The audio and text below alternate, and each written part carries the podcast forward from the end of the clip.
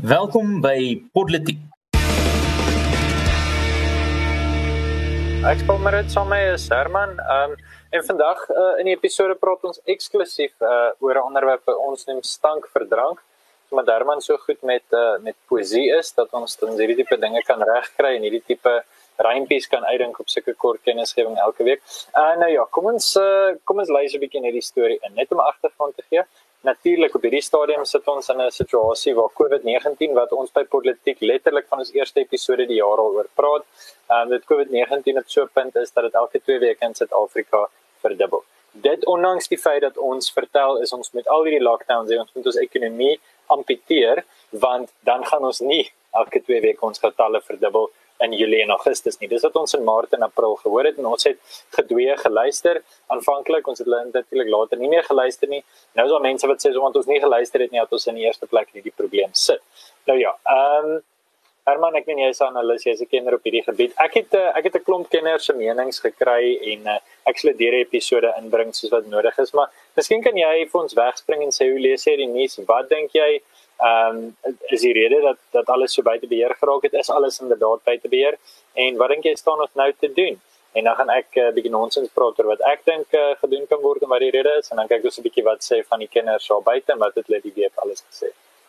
Kyk Paulus dit sal 'n baie welkome verandering wees as as jy vir 'n slag nonsens praat en ek vir 'n slag sin praat. So dit is uh, dis dalk iets unieks.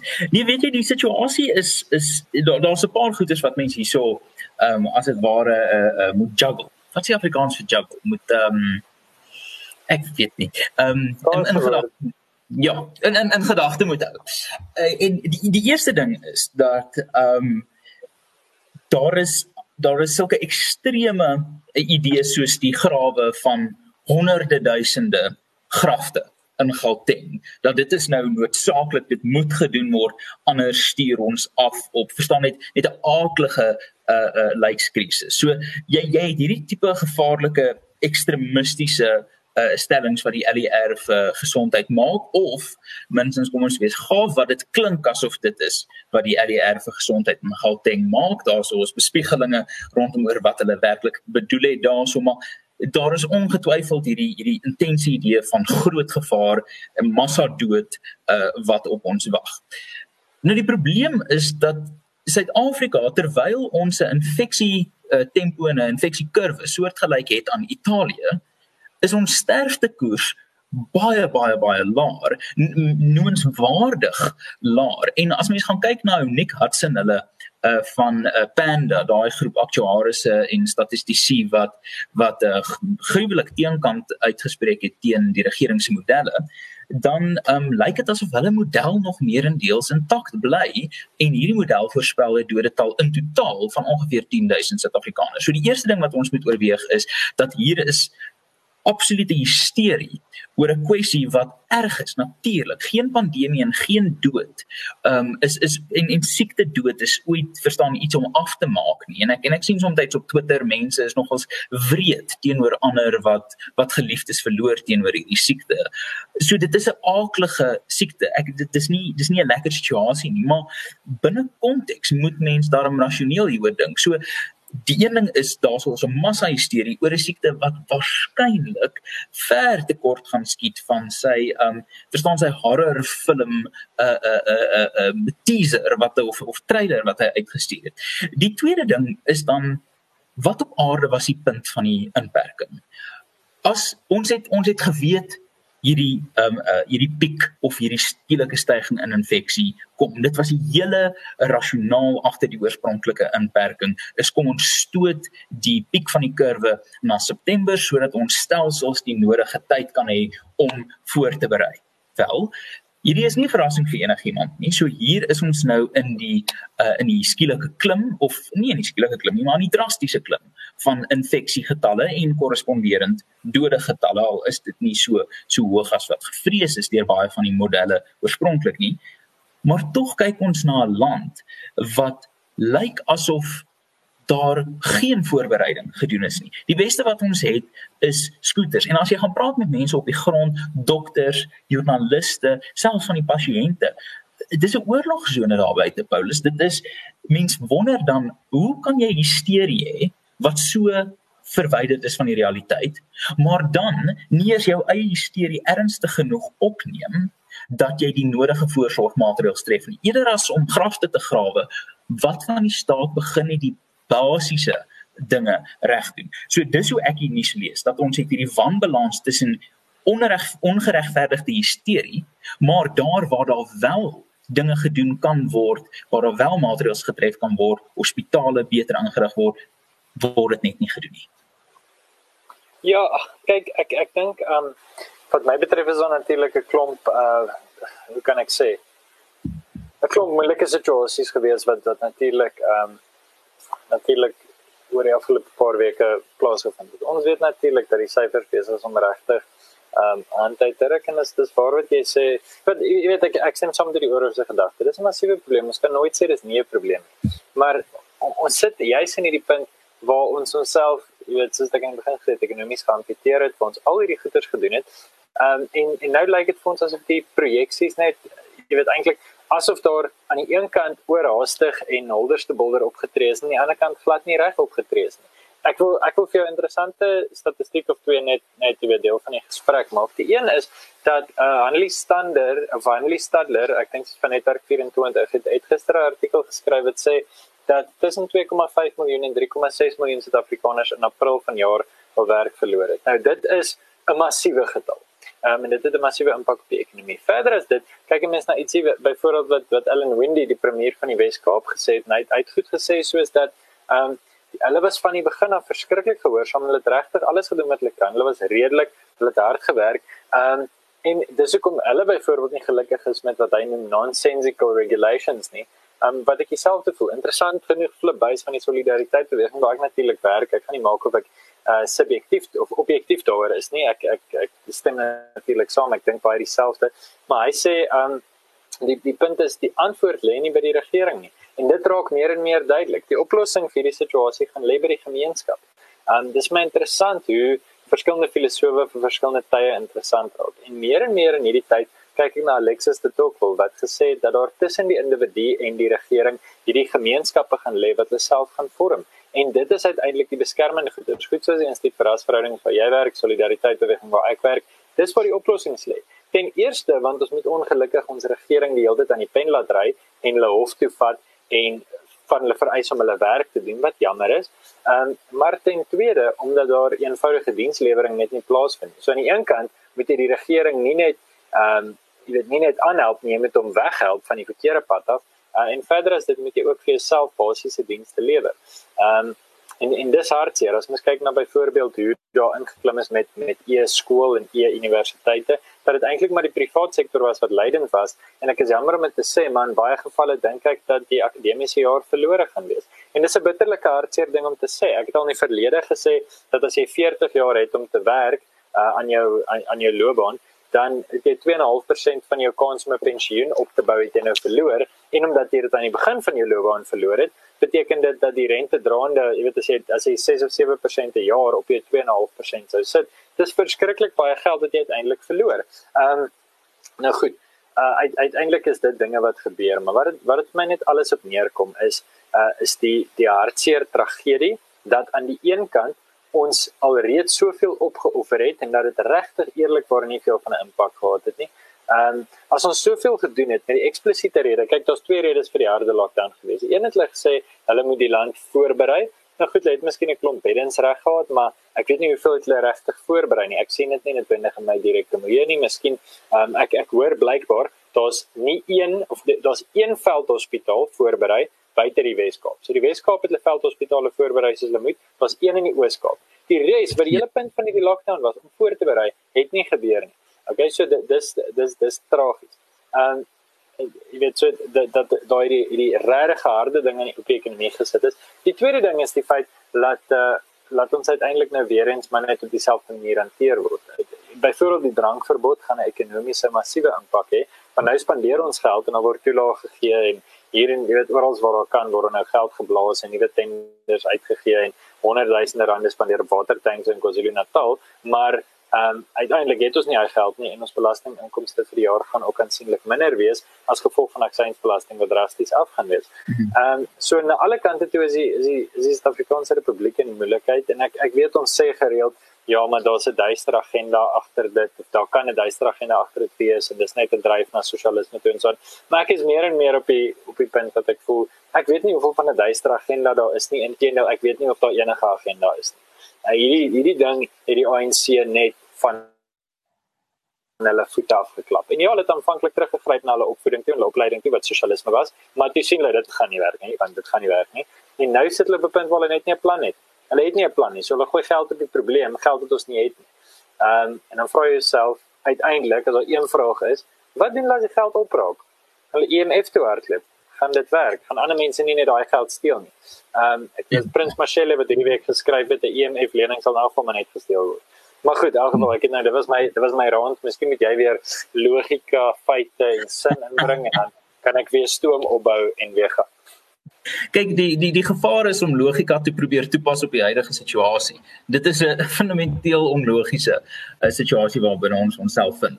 Nou kyk, ek dink ek dink ons moet nie noodwendig sê dat daar is um ek ek dink nie kom ons sê so ek dink nie daar is 'n agterkamer iewers in Letuli huis waar perde met sigare opdaag in 'n in 'n rook en 'n in 'n sensitief beligte omgewing sit en gaan regkerels fase soveel van die nasionale eh, demokratiese revolusie is vervul nie. Um maar ek dink ons men, mense sal 'n fout maak as jy dink dat daar is nie 'n oorkoepelende instink aktiewe politieke ambisie nie. As jy 'n politieke party is en jy wil 'n regering word, dan wil jy dit word want jy beoog om iets met die land te doen. En wat die ANC en en alles word op 'n manier ingelig daardeur as jy as jy 'n ideologiese beweging is. Is wat op die ou einde wil jy met die land regkry? En dit is waar ek dink die nasionaal demokratiese revolusie inpas.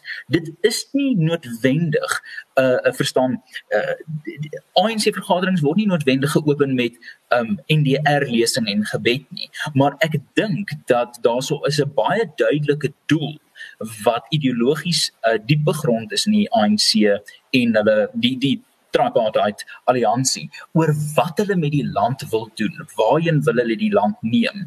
En ek dink die COVID-19 inperking het vir ons baie daarvan gewys. Hoekom die eerste aarde sal sal is dit die plek van 'n minister om betrokke te raak by verstaan gekookte hoender. Dit is 'n ideologiese uh besluit wat hulle geneem het. Maar ek dink daar steek waarheid in wat jy sê. In die sin dat ek dink hulle het hulle hulle hulle, hulle het dalk nie 'n knou weg nie, maar ek dink hulle selfvertroue in 'n inkrementele en 'n beheerste amper 'n 'n is 'n aanslag vol selfvertroue van om die nasionale demokratiese revolusie te implementeer. Dit dink ek het 'n knou gekry. Dit is dink ek hoekom ons nou wel 'n versnelling van klomp NDR tipe beleide gaan sien. Nasionale gesondheidsversekering deel daarvan, voorgeskrewe bates, onteiening sonder vergoeding. Ek dink hulle het definitief deur 'n fase van paniek gegaan. Hulle het gedink dit ons planne werk nie. Ehm um, so wat nou? En dan gaan jy terug na jou instinktiewe reaksie en wat daai daai oorspronklike vraag van wat wil jy met die land doen. Dis waar ek dink die NDR so 'n belangrike rol begin speel, want dit onderskraag op die einde uh, uh, wat dit consciously of subconsciously bewuslik of onbewuslik. Ehm um, wat 'n ANC persoon uh, sal doen met enige keuse wat voor hulle val. Maar ek moet sê die die frustrasie wat ek net vanuit 'n politieke hoogpunt uh, wil noem is president Ramaphosa is terselfdertyd die gelukkigste en die ongelukkigste in terme van luck um president in die wêreld. Hy het die geleentheid gehad om die ANC te vernuwe na 'n dekade van absolute chaos. Hy het daai mandaat oomblik gehad verspeel. Toe wen hy die verkiesing, nuwe mandaat oomblik verspeel. Toe kom die krisis en die land staan meestal omtrent 80% agter hom met 'n krisishanteringsmandaat. Hy verspeel dit. Elke keer wat president Ramaphosa die kans gehad het om werklik sy politieke kapitaal te implementeer en wel die land met hom saam te neem, het hy dit verspeel. En dit is dis dis so dis dis polities um dom. Dit is fundamenteel dom. As ek 'n ANC strateeg was dan dan sal ek letterlik die paar hare wat ek nog oor het uitpluk en wonder hoe de hel het ons hierdie krisis so laat hanteer. En ek ek dink meer as dit, kyk natuurlik wat wat jy sê stem ek 100% mee saam. Uh, ek sien uh, John Nell in van ons kykers op YouTube sê die toerisme industrie bloei ook natuurlik. Ek was nou onlangs op Witbrood gewees baie tydig want as ons 'n week langer gewag het sou ons nou niks van die plekke toe kon gaan nie want alles maak nou weer toe. En maar okay, goed, kom ons pak hierdie ding net bietjie op 'n soort van ideologiese punt uit. Ek is nou besig met 'n 'n studie van die geskiedenis van die van die politieke filosofie in die in die weste van die wêreld. En 'n interessante punt wat professor Peer die die Engelse of die Afrikaanse uitspraak sal manent wees, maar die Frans is manon. Die interessante ding wat hy sê is 'n ou ou professor maar ek glo hy lewe nog uh, in een van sy essays sê hy dat die weste kan eintlik gesien word as 'n twis, 'n konstante konflik tussen uh, veiligheid en vryheid. Aan die een kant het jy Thomas Hobbes wat sê laat die gee vir die regering al die mag, absoluut. Laat hulle, jy weet absolutisme wat amper jy weet in in antwoord op Hobbes vir die eerste keer gebruik is in 'n politieke sin. Laat die regering absolute mag hê. As hy jy weet jou lewe wil neem dan dan is dit die enigste punt wat jou mag teenstaan. Maar alles kort van dit gee vir my mag. En met met Locke en Rousseau wat in die weet later kom, goed Locke net 'n bietjie naam en Rousseau wat later wat kom en sê en uh, nee, gee vir die regering beperkte mag. Uh, hy kan jou net straf sover as wat jy verkeerd was. Verder as dit is hy besig om sy mag te vergryp en natuurlik te Montesquieu wat dit vir ons bietjie meer in woorde gesit het met die hele gedagte van 'n uh, van 'n drie gedeelde regering. Okay, die trias politika wat wat julle slim ouens het nie reg nie. Okay. So dit in breë trek en nou vind ons dat natuurlik iemand soos Karl Marx het baie van Hobbes se idee gehou. Jy kort hierdie sterk sentrale struktuur. Hierdie struktuur weet beter as wat jy vir jouself weet en ons sal vir jou sê wat om te doen. Ehm um, en natuurlik vanuit Locke, maar miskien ook nie heeltemal in lyn met Locke nie, maar jy weet in antwoord op hierdie hele gedagte van 'n natuurstaat en die mens wat in die wildernis is en wat is daai mense in die wildernis se regte? Het Edmund Burke gekom en gesê maar daar's 'n tradisie hoe goed verloop het. Kom ons gebruik daai ketting van besluite wat mense geneem het eerder as ons bron van kennis. Nou hoekom gee ek hierdie breë historiese agtergrond net want dit is hoe ek logika probeer maak uit wat aangaan. Ehm um, en die die uitdaging wat ons oorhoofs nog steeds maar sien en en ek dink jy jy verwys daarna as jy sê ehm um, wat gaan 'n ANC denker doen as hy terugval. Jy weet hy's in 'n krisis, dan gaan hy terugval op sy opleiding. Dis my interessante oomblik in 'n uh, Skyfall.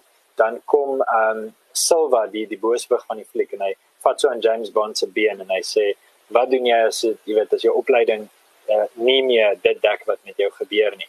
En in in die ANC se geval is hulle as dit verby die punt van die opleiding gaan, is is hy heeltemal reg. Hulle gaan terugval na die idee van 'n Leviathan wat ons dit noem, 'n sterk sentrale regering wat namens jou sal besluit en jy het hom konsensus gegee. Of jy het bewuslik of onbewuslik, dis sy probleem nie, maar hy het konsensus hy mag doen wat hy wil. Ehm en wat is ons plig dan? Ek voel ons plig is om op te staan vir vryheid. Ek voel na, natuurlik en baie mense voel soos ek, dis kom ons so baie hofsaake sien, maar ons ons moet gaan en sê nee, ek het nooit vir jou as regering die reg gegee om vir my te besluit wanneer ek mag wyn drink en wanneer nie. En as die argument natuurlik ek ek verstaan. Hospitale het laer kapasiteit. Jy kan nie nou jy weet 'n taxi vol mense is nou ongeluk as gevolg van drank. Nou het jy 15 mense in die hospitaal en jy het nie 15 beddens nie. In 'n groot mate verstaan ek die logika. Maar as dit die argument is, wat was jou argument die 27ste Maart?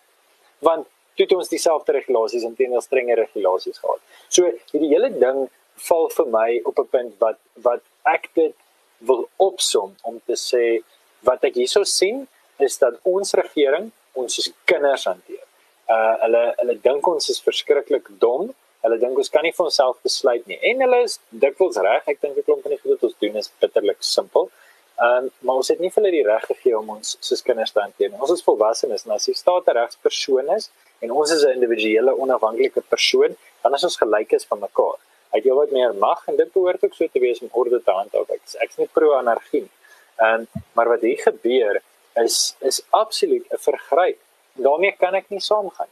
Uh so hmm. dit ja, dis dis my my my filosofiese denke en hoe ek probeer om dit te verstaan en en en en waar ek ideologies bly vashak by die punt dat dit nie reg is nie. Ja. Nee, weet jy kyk ek dink daarso is 'n uh, uh vandag se politiek neem 'n filosofiese aanslag aan, maar kom ons rol met dit, dis lekker. ehm um, daarso is 'n 'n 'n historiese maar ook 'n filosofiese vraag van waar ontstaan die staat? Waar het die staat vandaan gekom? En die mees ehm um, sinvolle verduideliking wat ek dink die geskiedenis bied, ehm um, is dat dit is dit is 'n dit is 'n voortvloeisel uit die familie. Uh dat die die jy jy het 'n familiale verbintenis geskep, is is geskep en en van daar af was dit 'n kwessie van om teen die toestand van die die state of nature, die natuurstaat, um jouself te beskerm teen want ek dink Hobbes is op 'n manier reg dat die die natuurstaat is nie 'n wonderlike plek om in, in te leef nie. Ek dink daar's meriete uh, daarin en uh, so die die uitbou dan van 'n same van 'n familie na 'n uh, groep families na samelewing, na samelewing na dorpie en dorpie stad. Verstaan, ek dink daar's vir my 'n rasionele koneksie, 'n rasionele uh, kausaliteit van hoe het ons gekom dat dat die konsep van die staat as dit ware bestaan. Dit is 'n uitbreiding van die familie en dan natuurlik bring mense territoriale oorwegings in uh, wat wat meestal volgens my analise minstens kom van af die die Britse geskiedenis waar ehm um, territoriale kwessies 'n bietjie anders uitgespeel het as op die kontinentale vasteland. Maar hierdie idee dat die staat is 'n is 'n is 'n vorm van familie is korrek, maar ook moet dink ek word verkeerd toegepas. Want die ding is in 'n familie is daar 'n oomblik van meerderjarigheidswording. In elke kultuur dis dalk nie dieselfde oomblik nie, maar in elke kultuur reg oor die wêreld is daar 'n oomblik waar kind volwasse word waar daar 'n autonomiteit en 'n tipe van gesag en 'n tipe van respek en die rol verander binne die familie konteks verander die rol van die kind. So om om dit hierdie is 'n lang en dalk 'n dom manier om te sê dat ek dink daar is meriete in die in die in die argument dat die status ontstaan uit die familie histories en filosofies. Maar ons moenie vergeet dat in gewone families is daar 'n oomblik van volwasse wording nie. En dat as die staat ons gaan hanteer asof ons as mense nie 'n oomblik van volwasse wording kan betree nie, dan is hulle besig met 'n uh, infantilisering van die mense. Hulle hulle werk dan met onderdane of kinders, nie burgers nie. En ek ek is op 'n vreemde manier ek ek waardeer die pogings deur die howe en ehm um, en en van organisasies wat mik om dinge reg te kry deur deur jy weet een van die bene van die staat. Maar ek is op 'n manier ook instinktief skepties dat dit werklik die arena is om hierdie kwessies op te los want ek val weer terug op op 'n paar aannames en ook 'n paar datapunte. Een van die aannames en datapunte wat wat wat ek my lewe op baseer is dat daar is iets soos die common sense decent moderate Suid-Afrikaner. Dit is so reg oor die wêreld. So ek dink nie ons leef in 'n land van intense ekstremiste nie. So wanneer ek en en dis amper 'n interessante ding van wat ons organisasies hier by politiek doen. Daniel die regsgeleerde Afriforum die uh, en Ernst die burgerlike aktiviste solidariteit die unie wat regtig uitkyk vir mense vanuit daai perspektief en dan die instituut vir rasverhoudings. Ons almal het amper ons eie arena waarin ons die stryd om idees voer. En instinktief dink ek daaroor is 'n beroep wat ons kan doen in die nagaan van hierdie krisis om vir mense te sê kyk wat beteken vryheid.